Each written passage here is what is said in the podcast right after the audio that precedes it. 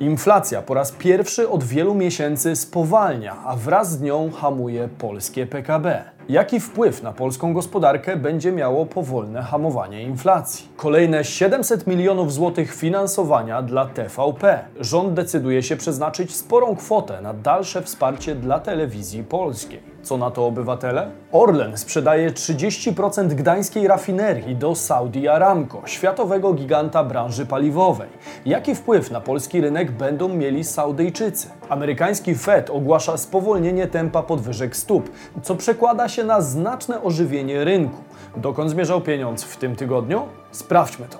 Bizweek. Cotygodniowy przegląd świata biznesu i finansów. Cześć, tutaj Damian Olszewski i witam Was serdecznie w programie Praktycznie o Pieniądzach i informacyjnej serii Bizweek, gdzie co tydzień otrzymujecie dawkę najważniejszych informacji ze świata biznesu i finansów. Tym razem będzie podobnie. Warto subskrybować kanał, aby być na bieżąco z tym, co dzieje się w naszych portfelach. Czas to pieniądz, więc zaczynajmy. 700 milionów dla TVP, kolejne dofinansowanie dla telewizji. Sejmowa Komisja Finansów Publicznych przegłosowała poprawkę do ustawy budżetowej, która zwiększa finansowanie mediów publicznych do 2 miliardów 700 milionów złotych. Stało się to na wniosek szefa Sejmowej Komisji Andrzeja Kosztowniaka. Dotychczasowe wsparcie dla mediów publicznych w 2022 roku wynosiło niemal 2 miliardy złotych, jednak teraz wyniesie właśnie 2,7 miliarda złotych. W mediach społecznościowych zawrzało, głównie przez przedstawicieli opozycji opozycji. Dla przykładu Marcin Kierwiński z PO pisał: Na Komisji Finansów PiS przepycha kolanem zwiększenie środków dla TVP z 1,95 miliarda na 2,7 miliarda złotych. Pieniędzy dla Polaków nie ma, ale na partyjny radiowęzeł zawsze się znajdą. Niewiarygodny poziom arogancji. Z kolei Robert Winnicki z Konfederacji napisał: Od kilku lat PiS dosypywał do propagandy w TVP i innych mediach publicznych po 2 miliardy złotych rocznie. Przed chwilą w Sejmie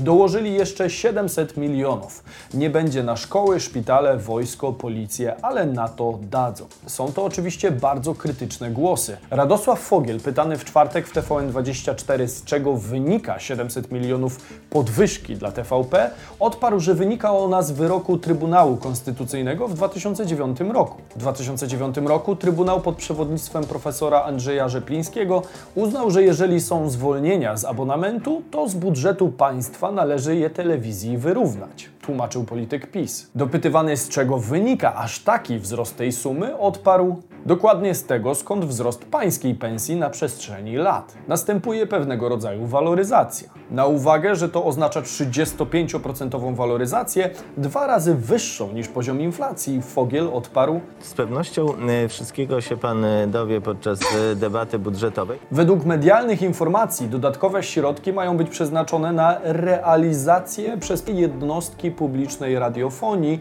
i telewizji misji publicznej. Zatem tak zwana misja publiczna kosztuje nas wszystkich coraz więcej.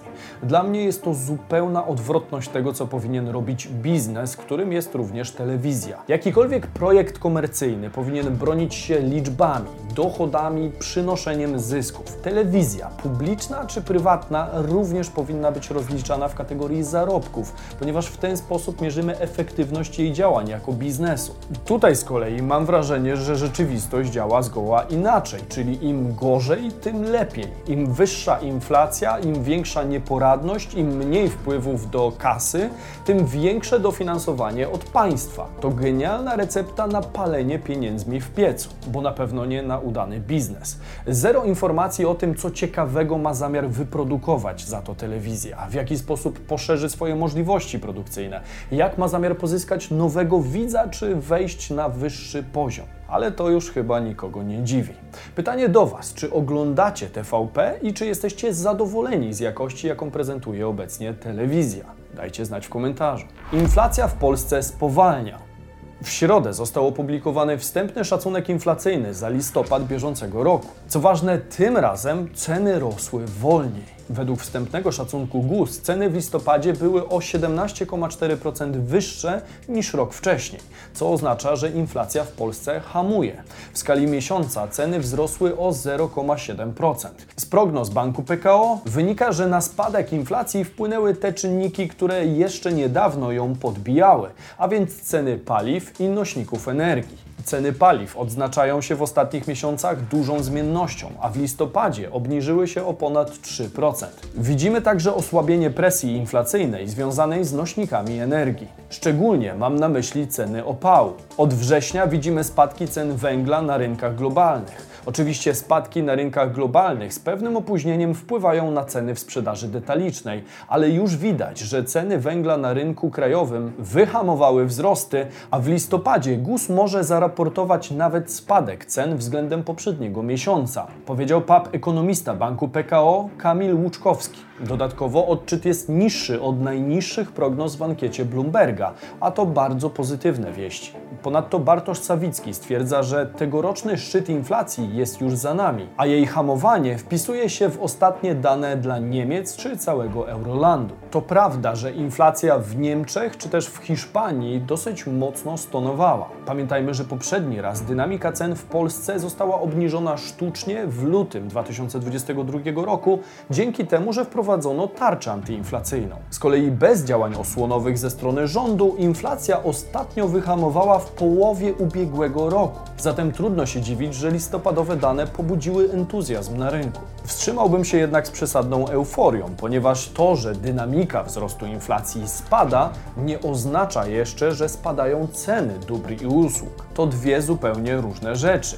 Nie dajmy się zwieść. Ceny nadal rosną, tylko już nie tak szybko. Spadła jedynie dynamika wzrostu inflacji, ale wysoka inflacja nadal pozostanie z nami jeszcze na długie, długie miesiące. Jednak istnieje całkiem realna szansa na to, aby chociaż oficjalny odczyt inflacji w Polsce nie przekroczył 20%. Natomiast z tą rzeczywistą, odczuwalną w portfelach inflacją dobrze wiemy jak jest. Najnowszy odczyt inflacji bez wątpienia będzie miał też wpływ na decyzję RPP, która pewnie postanowi po raz kolejny zostawić stopy na tym samym poziomie. Orlen sprzedaje część rafinerii gdańskiej Saudi Aramco. PKN Orlen poinformował w środę, że podpisał umowę sprzedaży aktywów Saudi Aramco. Przypomnijmy pokrótce, dlaczego polski koncern w ogóle zdecydował się na taki krok. Wynika to z wymagań Komisji Europejskiej dotyczącej fuzji Orlenu i Lotosu.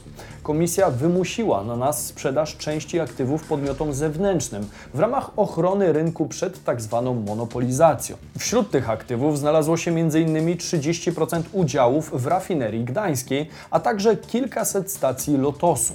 Stacje trafią do węgierskiego MOL-u, którego szyldy niebawem pojawią się na ulicach. Z kolei 30% udziałów w rafinerii gdańskiej powędrowało do światowego giganta naftowego, czyli właśnie Saudi Aramco. PKN Orlen podał w komunikacie, w ramach transakcji ogłoszonej już w styczniu 2022 roku, PKN Orlen utrzymał 70% udziału w rafinerii w Gdańsku o łącznych mocach przerobowych na poziomie 210 tysięcy baryłek dziennie. Aramco obejmie 30% udziałów w rafinerii, 100% biznesu hurtowego i 50% udziałów w obszarze paliwa JET w BP Europa SE, operującego na siedmiu lotniskach w Polsce. Prezes PKN Orlen Daniel Obajtek twierdzi, że zamknięcie transakcji z Aramco ma strategiczne znaczenie dla dalszego zapewnienia dostaw surowca nie tylko do Polski, ale całego regionu. Zbudowaliśmy największą grupę w Europie Środkowej, silną biznesowo w kilku różnych obszarach, co gwarantuje dalszy dynamiczny rozwój bieżącej działalności,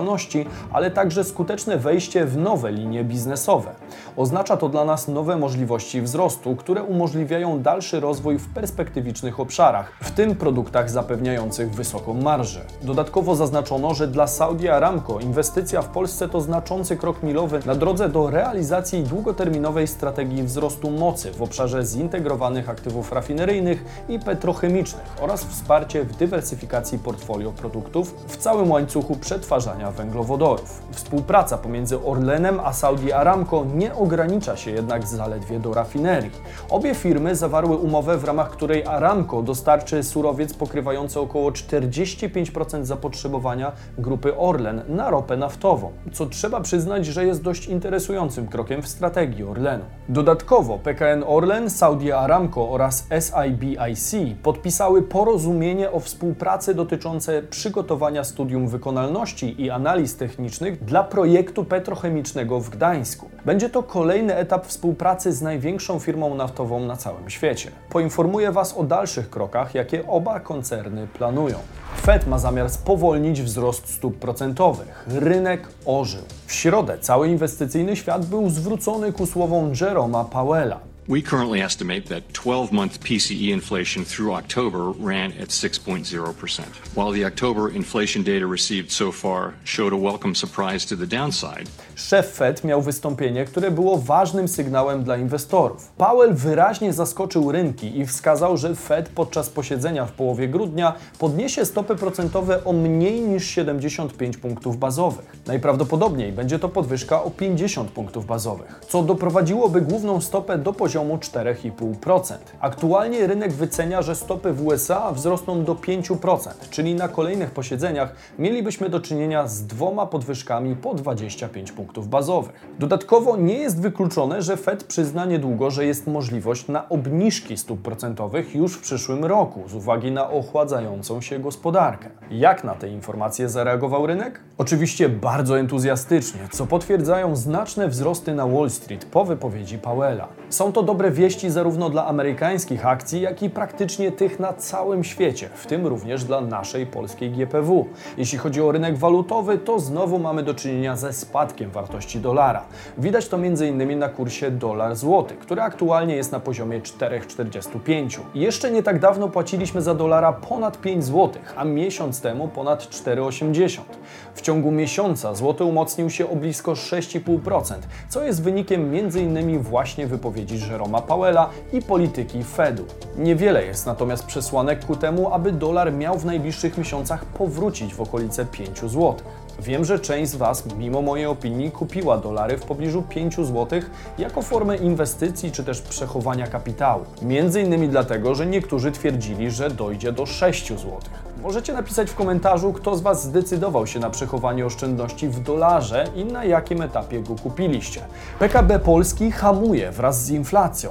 Do danych inflacyjnych z początku odcinka warto dodać wstępne szczegółowe dane o polskim PKB w trzecim kwartale. PKB wzrósł o 3,6% rok do roku, co jest wciąż niezłym wynikiem, jednakże widać spowolnienie, ponieważ w pierwszym kwartale 2022 wynosił on aż 8,6%, natomiast w drugim kwartale wzrost wynosił 5,6%. Są to sygnały wyraźnego hamowania konsumpcji i inwestycji, czyli kluczowych komponentów popytu krajowego. Świadczy to o tym, że na początku przyszłego roku wzrost PKB może spaść poniżej zera, bądź przynajmniej otrzeć się o recesję. Dodając do tego dane inflacyjne, możemy spodziewać się dezinflacji, czyli szybkiego spadku wskaźnika inflacji. W związku z tym powoli dochodzimy do sytuacji, w której PKB hamuje, a dynamika inflacji spada. Dla uzdrowienia gospodarki jest to jak najbardziej poprawne, jednak kluczowe jest to, czy inflacja faktycznie zaliczy silny spadek. Z tym z kolei również warto się wstrzymać, ponieważ obecny spadek wynika w głównej mierze ze spadku cen paliw i niektórych innych produktów energetycznych oraz żywności. Nadal jednak mamy do czynienia z bardzo wysoką inflacją bazową, która nie poprawia nastrojów. Co również ważne w kontekście PKB, to niepewność blokuje polski biznes. Firmy nie odczuwają jeszcze znaczących problemów z popytem. W większości sektorów większym problemem wydaje się być zaplanowanie sprzedaży, ponieważ wysoka zmienność cen prowadzi do ograniczenia długoterminowych kontraktów. W obliczu obecnego kursu w stronę recesji zastanawiający jest wciąż relatywnie silny popyt, który przynajmniej do tej pory nie jest problemem, z wyłączeniem produktów RTV AGD i mebli. Tym problemem jednak wydaje się być bardzo wysoka niepewność, a także inflacja, która wymaga funkcjonowania w zupełnie nowych relacjach rynkowych. W związku z inflacją i niepewnością znacznie spada liczba kontraktów średnioterminowych i długoterminowych, co w tych warunkach jest oczywiście zrozumiałe. Przez to należy spodziewać się również mniejszych ilości inwestycji. Po prostu ciężej firmom jest obecnie cokolwiek zaplanować do przodu, czy zagwarantować w dłuższym terminie. W produkcji, handlu i usługach odsetek firm obarczonych niepewnością gospodarczą jest o 10% wyższy niż przed rokiem i o 35% wyższy niż przed pandemią. Pierwszy skok niepewności miał miejsce w wyniku pandemii. Później zaczęła się ona lekko obniżać. Natomiast teraz fala inflacyjna spowodowała dalszy wzrost niepewności. Wydaje się, że z tym stanem rzeczy firmy będą musiały po prostu nauczyć się żyć, a teraz czeka je zwyczajnie kolejny etap adaptacji do nowych warunków rynkowych. Mówił Damian Olszewski, a to był Bizweek, wasz cotygodniowy przegląd najważniejszych wydarzeń ze świata biznesu i finansów. Warto subskrybować kanał na dole, aby wiedzieć dokąd zmierzał pieniądz. Zostawcie także hashtag Bizweek w komentarzu, jeśli doceniacie naszą pracę, a my widzimy się jak zwykle w sobotę i niedzielę o 15. Cześć!